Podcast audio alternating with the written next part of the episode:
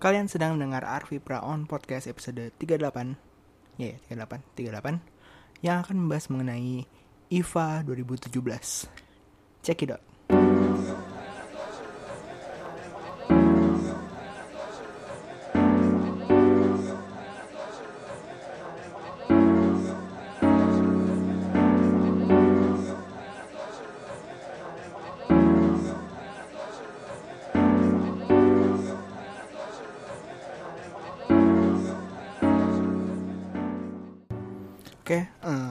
selamat pagi, siang, malam semuanya.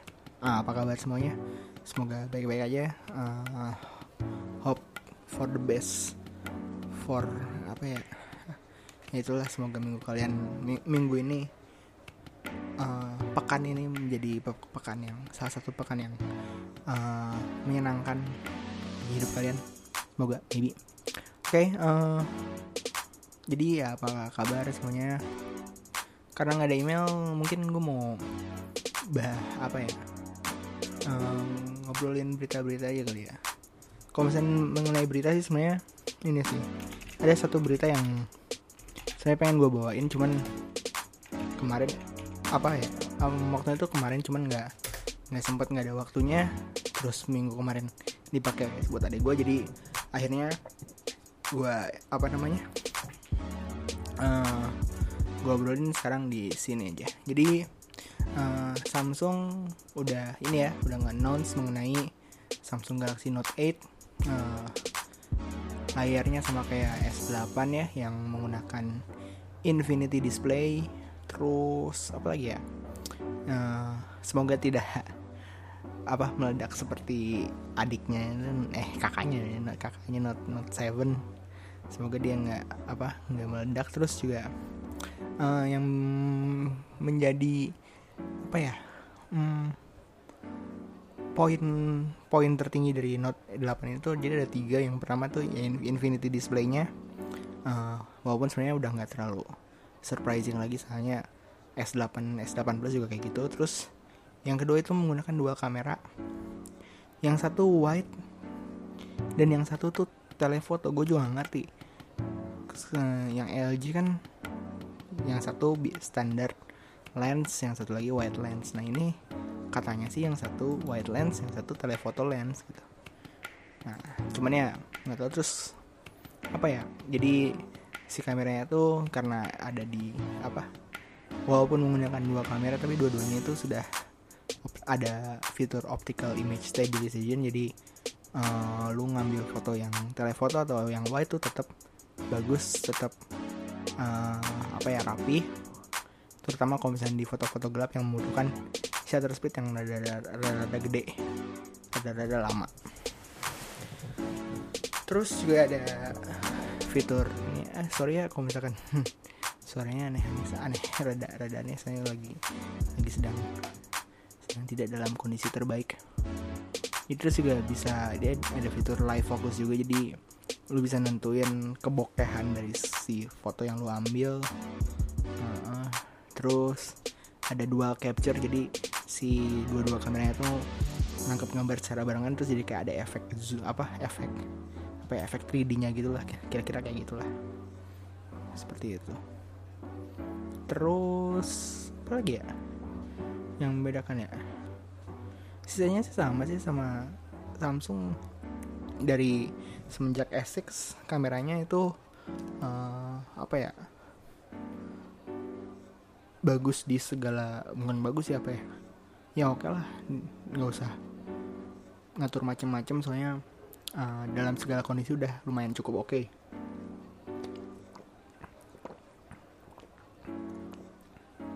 Ini gue sambil minum nggak apa ya. Nah itu ya pokoknya gitulah terus selain si dual kamera tuh ya ada si S Pen nya sendiri yang menjadi karakteristik dari si seri Note. S Pen ini eh apa ya menurut gue sih katanya sih ujungnya tuh lebih lancip terus apa lagi ya? Ya gitulah terus katanya ada hmm, apa namanya kayak live message kayak di Apple Watch gitulah gue juga nggak ngerti nih rata-rata pada gimmick sih. Cuman yang jadi keren sih yang yang paling keren sih si screen of memo-nya itu dia bisa sampai 100 halaman nggak salah. Jadi bisa banyak jadi bisa lu nulis nulis terus terusan aja gitu kayak gitu. Gitu. Sisanya sih sama-sama aja sama kayak di Note 7 sebelumnya ada translate ada magnify ada glance dan lain-lain. Ya itu tadi dari Samsung Galaxy Note 8 pre-ordernya di Indonesia itu sebentar. Gue coba cek dulu.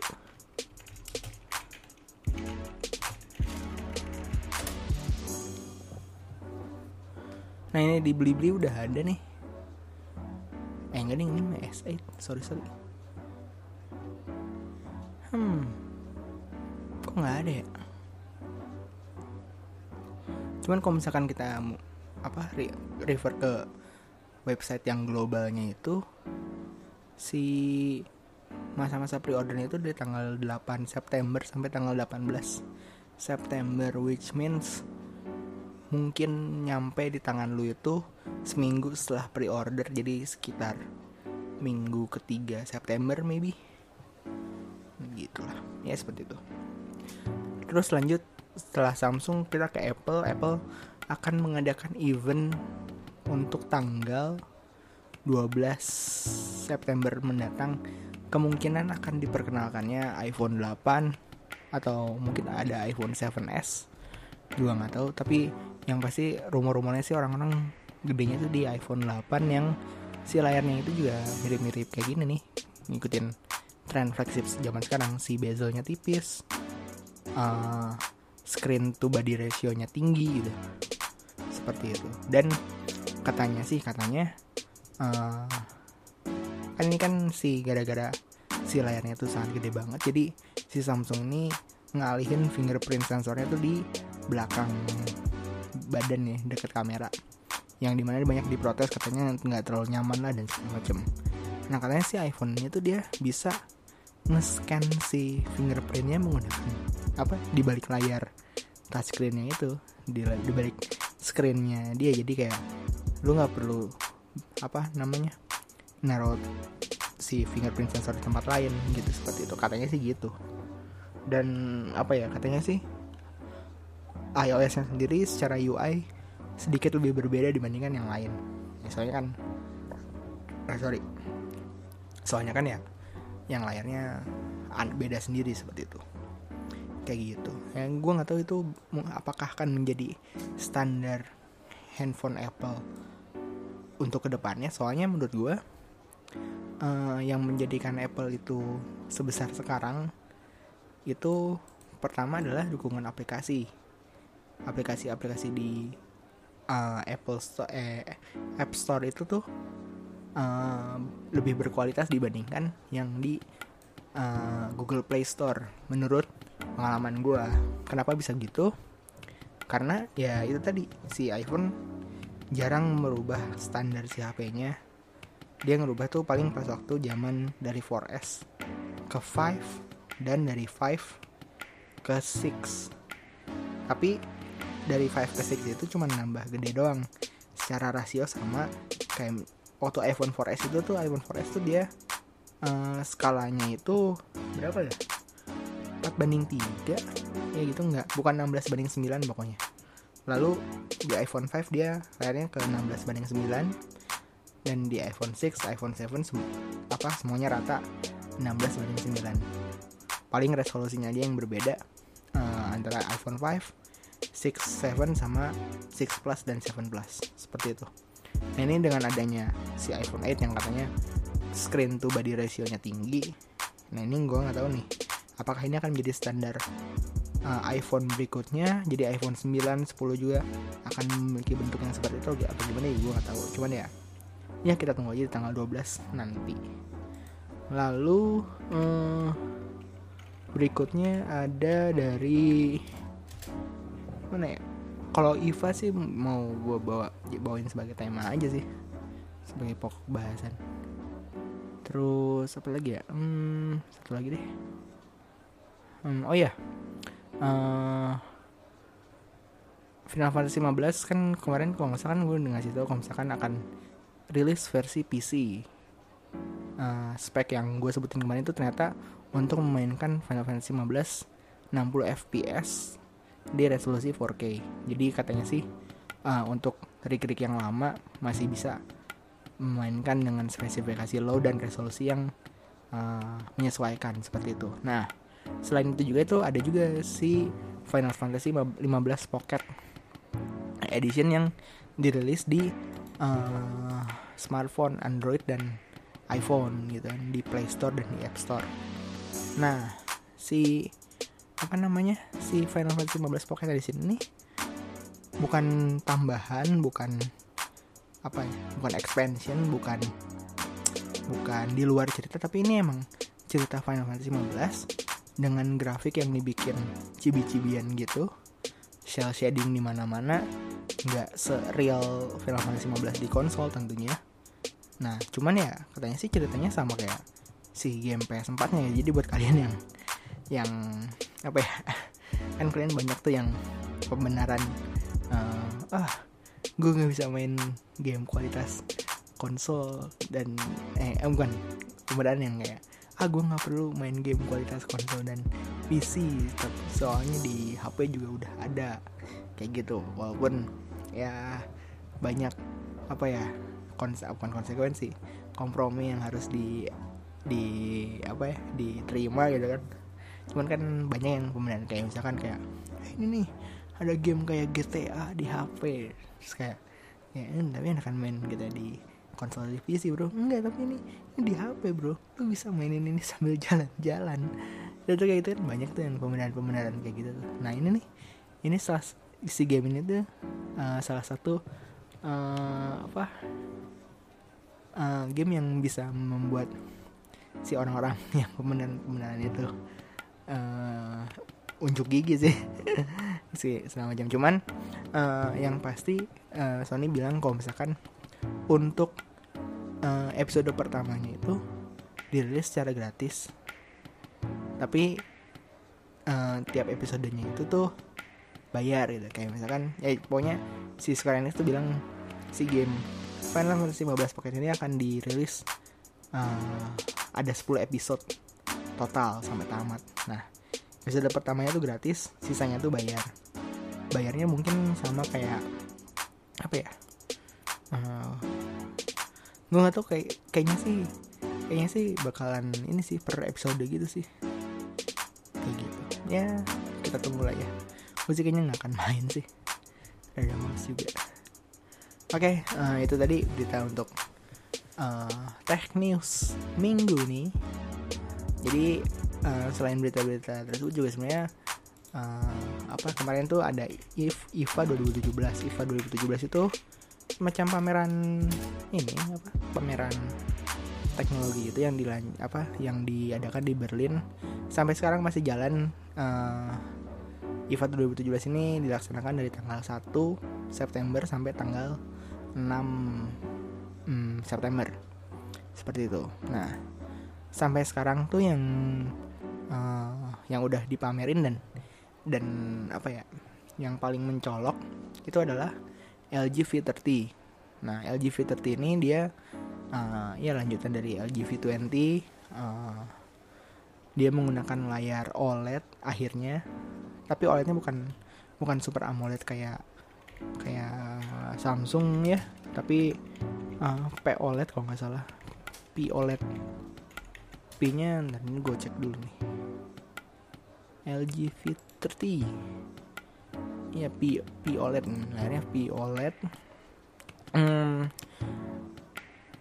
jadi si HP ini layarnya 6 inci dengan resolusi 1440 kali 2880 hmm, dibalut Corning Gorilla Glass. Terus ya macam-macam gitu lah. Terus si prosesornya menggunakan Snapdragon 835 GPU-nya Adreno 540 terus konfigurasi internal sama RAM-nya itu ada yang 64 sama 4 GB 64 storage 4 GB RAM RAM dan 128 GB storage dan 4 GB RAM. Jadi belum bisa belum ngalahin Samsung Note 8 yang pakai 6 GB walaupun apa namanya si yang sampai sekarang sih HP sampai sekarang dengan RAM paling gede tuh OnePlus 5 yang RAM-nya tuh storage-nya tuh eh kapasitas RAM-nya tuh 8 GB seperti itu. Kameranya dua apa ada dua uh, dengan resolusi 16 megapiksel dua-duanya dengan bukaan 1,6 dua-duanya pakai optical image stabilization juga. Terus eh sorry satu lagi uh, satu lagi itu 13 megapiksel dengan bukaan 1,9 seperti itu. Konfigurasinya kayak LG V20 dan G6 ya wide angle sama stand, standar lensa biasa. Seperti itu. Nah kamera depannya 5 megapiksel bukan 2,2 terus ada quad quad DAC uh, hi-fi audio. Jadi kalau misalnya kalian audio file terus punya headphone yang sangat bagus kalian bisa bisa banget pakai ini apa namanya HP ini gitu ya terus apa lagi ya? Hmm, yang membedakan dari LG V30 sama LG V20 adalah untuk LG V30 ini dia nggak punya uh, secondary display yang selalu ada di uh, seri V sebelumnya di V20 dan V10 itu biasanya ada secondary display. Kalau ini nggak ada diganti sama ada apa namanya uh, yang punya di softwarenya tuh adalah jadi kayak mirip-mirip itu juga sama ban apa bantuan dari always on displaynya juga ntar di apa ada pilihan-pilihan kayak di secondary display karena ini kan pakai layar POLED juga ya yang kalau misalkan apa namanya dia menggunakan daya kalau misalkan memberikan warna gitu. Kalau misalkan warnanya hitam pekat itu tuh dia nggak nggak nggak mengeluarkan daya sama sekali. Jadi uh, apa ya lebih hemat lah gitu lah. Itu yang dilakukan Samsung beberapa tahun yang lalu. Gitu. Nah hmm, menurut gue HP ini keren sih cuman bentuknya tuh S8 banget sih menurut gue entah kenapa ya.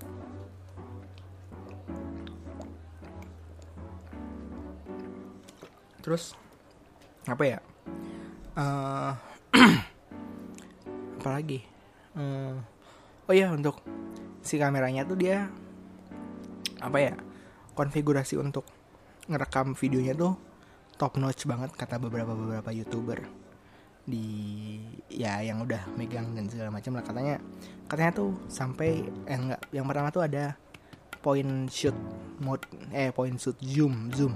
Jadi lo um, nge-touch nih nge apa pilih lu mau ngezoom di mana terus lu bisa apa namanya gerakin si zoom itu pelan-pelan. Jadi kayak zoomnya tuh semut itu loh nggak nggak cetak cetak cetak cetak nggak nggak nggak nggak patah-patah banget gitu seperti itu. Nah terus selain itu juga ada uh, color profile apa ya di sini nyebutnya tuh LG Cine Cinelog Cinemalog gitu. Jadi uh, lu bisa ngambil gambar dengan apa flat profile di mana ntar habis itu lo bisa uh, entah itu di di grading untuk biar lebih bagus lagi dan segala macam. Dan untuk gradingnya sendiri pun udah disediakan di software kameranya. Jadi lo bisa grading dari si software kameranya gitu.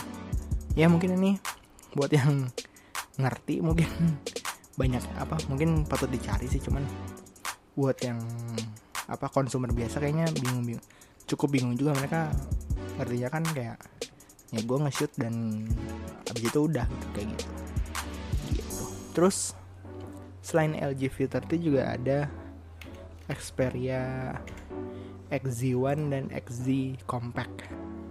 Nah uh, ya standar lah ya. Uh, dia menggunakan layarnya 5,2 inci. Bentuknya tuh Sony Ericsson standar banget standar Sony Ericsson biasa gitu. Eh Sony Ericsson. HP Sony Xperia biasa. Sony Ericsson HP jadul banget. HP Sony Xperia biasa hmm, resolusinya 1920 x 1080 berarti belum belum 2K gitu, masih Full HD terus apa lagi ya? Uh, dia menggunakan uh, apa namanya? Snapdragon 835 prosesor flagship zaman sekarang ada GPU-nya Adreno 540 terus internal apa konfigurasi internalnya cuma satu 64 GB dengan 4 GB RAM kameranya 19 megapiksel dengan electronic image stabilizer. Terus apa lagi ya? Secondary kameranya 13 megapiksel dengan bukaan 2.0 nah cuman katanya sih kamera ini sih katanya kamera yang bisa dibilang cukup apa oke okay banget untuk smartphone zaman sekarang seperti itu. Katanya sih gitu. Cuman nggak tahu juga sih gue juga belum lihat yang jadi permasalahan tuh si baterainya yang cuma 2700 mAh di mana yang lain tuh udah di 3000 3000-an uh, OnePlus 5 3300 Note 8 3300 S8 Plus itu 3500 uh, terus apa lagi ya? Ya itulah. Perbandingannya gitu jangan ini kayak 2700 seperti itu terus selain XZ1 juga ada versi compactnya. Di mana si spesifikasinya itu tetap sama. Yang membedakan tuh cuman layarnya aja sama storage-nya. Kalau misalkan di XZ yang XZ1 biasa itu 5,2 inci Full HD kalau ini 4,6 inci dengan layar HD biasa doang. Terus internalnya cuma dapat 32 GB tapi RAM-nya tetap 4 GB seperti itu. Dan baterainya sama 2700 mAh seperti itu. Itu dari IFA Berlin. Oh terus apa ada apa lagi ya di IFA Berlin ya? Tadi ya ini gue cek cek gue cek dulu. Mana sih lu harusnya lu? Cek duluan. Baru bikinnya aduh dasar iya maaf maaf maaf. Maaf.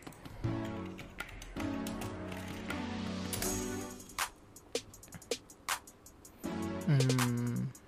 Oh ya selain ini juga dari Lenovo juga dia ngongsang ngeluarin beberapa jenis laptop. Terus apa lagi ya? Udah sih. Namanya itulah. Itu dari IFA Berlin 2017 uh, selain itu kita ngebahas ya kita ngebahasin aja sih. Givi katanya diblokir ya Givi Givi G I P H Y.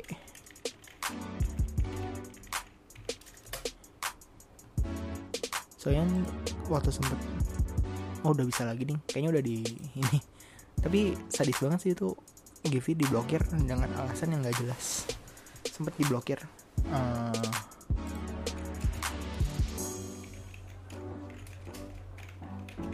aduh dead air sorry sorry. Nah ini nih uh, akhir Agustus kemarin sih.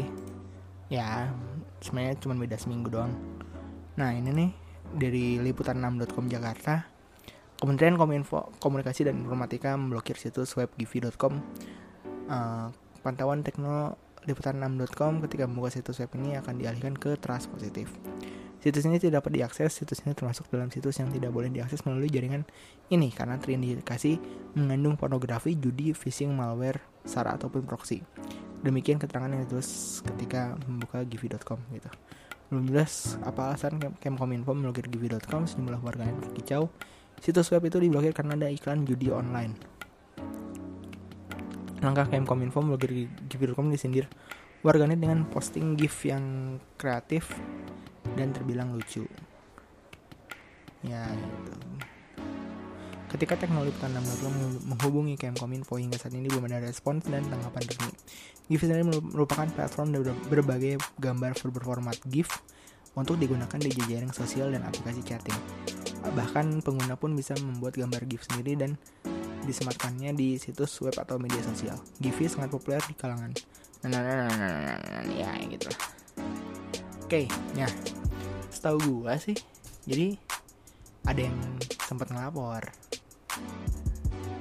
Waktu itu adalah screenshotnya tersebar di internet. Jadi yang ngelapor ini ini kita kita doang ya yang tahu. Jadi yang ngelapor ini dia bilang kalau misalkan gift ini ada iklan iklan judi. Yang di mana sebenarnya iklan apa pun kecuali kalau misalkan yang emang ini ya apa namanya si uh, apa situs judinya itu yang emang masang langsung di givi.com gitu. Cuman setahu gue setahu gue nih ya yang biasanya tuh iklan di internet itu tuh dia kalau misalkan si iklannya itu tuh nggak langsung dari si si orangnya gitu kan misalnya bukan dari si si, si, judi bola si judi apa si judi situs judi ini dia kayak eh, ini gue pasang iklan di website lo gitu. Kalau itu kan emang fix itu berarti kan dia menerima uh, apa namanya um, bahwa si situs judi ini masang di iklan di websitenya. Cuman ada beberapa uh, advertising di internet yang apa ya dikelola secara swasembada apa dikelola secara kelompok gitu loh. Jadi kayak ya ini uh, apa namanya uh, ya sok yang butuh iklan sini sini sini ntar gue yang cariin orang-orang yang bisa iklan yang kayak gitu. Nah pas waktu apa si iklan itu itu tuh nggak di nggak secara spesifik ya ya oh ini iklan judi di sini iklan apa di sini iklan apa di sini. Tapi si iklannya itu tuh di generate sama si algoritma si ininya ya si apa namanya yang penyedia iklannya. Supaya dia ngebaca cookies di browser. Nah cookies di browser itu apa? Cookies di browser itu tuh uh, jadi kenapa namanya cookies? Cookies itu kan kalau di makanan kan banyak remah-remahan remah-remahan ini ya apa namanya? Remah-remahan kue gitu ya. Kalau misalnya kita makan apa uh, tim bukan tim tim tim tim kayak lu tau lah cookies lah. Lu search aja cookies atau cookie monster yang punya yang sering dimakan sama si cookie monster nah ya kan kalau misalnya dimakan kan dia kan ngasilin rempah-rempah kecil nah. Nah si rempah-rempah. Jadi tuh si cookies yang di website yang di browser yang di internet itu tuh uh, apa ya bahasa bahasa simpelnya gimana ya? Hmm, jadi kayak uh, beberapa teks kecil yang dimiliki apa ya yang jadi preference preference tertentu menggambarkan apa ya um, uh, identitasi yang sering buka browser tersebut itu di disimpan di situ. Nah, kalau misalkan apa namanya perlu ada ada yang mau ngambil, ya mau butuh butuh si data tersebut ya bisa dikasih gitu seperti itu. Kayak misalkan contoh gampangnya tuh gini, itu kan tadi kan. Ini ribet banget ya. Contoh gampangnya tuh gini kan, kalian pernah ngasih kan sempat googling uh, jam tangan? Kebetulan kalian lagi nyari jam tangan. Terus kalian tiba-tiba buka apa? Buka forum buka website buka archipra.my.id mungkin. Terus kalian ada itu ada. Ada iklan dari apalah e-commerce itu kan. Ayo beli jam di sini. Gitu kayak gitu. Atau nggak bisa beli apa di sini. Padahal dan itu kalian baru beberapa detik sebelum kalian apa namanya tuh search gitu. Jadi itu si search jam tangannya tuh disimpan apa namanya ditaruh kayak misalkan jadi si browser nih punya data kalau misalkan lu tuh sempat nyari jam tangan. Nah, pas waktu buka website website tertentu yang ada ada iklannya si website tertentu kayak nanya gitu ke si browsernya. Eh punya data apa nih di sini? Ini nih si dia baru nyari jam tangan. Oh, oke okay, sip. Nah jam tangan nih keywordnya jam tangan. Dicek ke si penyedia iklannya ada nggak iklan yang apa berhubungan sama jam tangan. Kalau ada tampilin seperti itu. Nah jadi ya yang ngelaporin ada, ada iklan judi di Givi itu ya mungkin dia. Hmm, who knows mungkin website apa pun yang dia buka iklannya iklan judi mungkin. Ya gue juga nggak tahu cuman ya, ya, ya apa cara kerjanya sih seperti itu gitu. Cuman ya saya kayak sedih gitu loh menurut gue kayak anjir nih. Ini nih kenapa apa namanya Taika nih nggak bisa nggak bisa cuma belajar tentang shortcut copy shortcut paste shortcut cut. Uh, apa? Address bar merupakan salah satu dari A toolbar duh itu kayaknya nggak nggak mungkin TK tuh gitu gitu doang. Kayak harus dipelajari yang lain. Oke, okay, uh, ya itu aja untuk minggu ini. Uh, thanks for listening. Jadi uh, apa ya? Jadi Arfi Prawan Podcast ini adalah sebuah podcast berdurasi sekitar setengah jam. Gue pengen pengen nambah, cuman kayaknya belum kuat aja gue buat. Gue pengen 45 menit sampai sejam, tapi kayaknya belum bisa. Mungkin gue harus balik lagi ke script lagi buat bisa apa keep up ke 45 menit dan sejam kayaknya kayaknya sih ya gitu. Dan kondisi gue juga lagi nggak nggak beres. Terus um, jadi sos sosmednya tuh sebenarnya ada. Kalian bisa follow aja di Instagram Facebook page-nya ada. Bahkan uh, yang terbaru ini kalian bisa search official accountnya di @arviprawan_podcast itu tuh udah bagus udah udah nggak pakai kode-kodean itu. Ah, apaan itu kayak gitu udah udah. Add Arfi Brown podcast di line ntar kalian ada. Adnya tuh ada adnya ya. Ada ad kayak email gitu ada adnya seperti itu.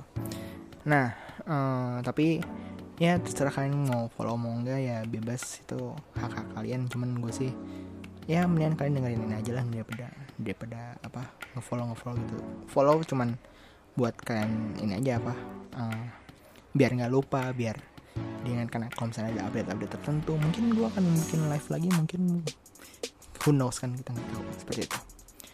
Uh, jadi podcast ini tadi sosial sosial medianya podcast ini bisa kalian dengerin di SoundCloud di Stitcher di iTunes nggak sekarang namanya Apple Podcast di aplikasi podcast kesayangan kalian di ataupun di website arvipro.my.id kalau misalnya kalian punya tanggapan pengen pengen balas pengen apa dan segala macam kalian bisa kirim email ke kotak surat at arvipra.my.id ntar ada di deskripsi di bawah. Pokoknya kotak surat at arvipra.my.id seperti itu. Uh, apa lagi sih? Ada yang kekurangan gak sih?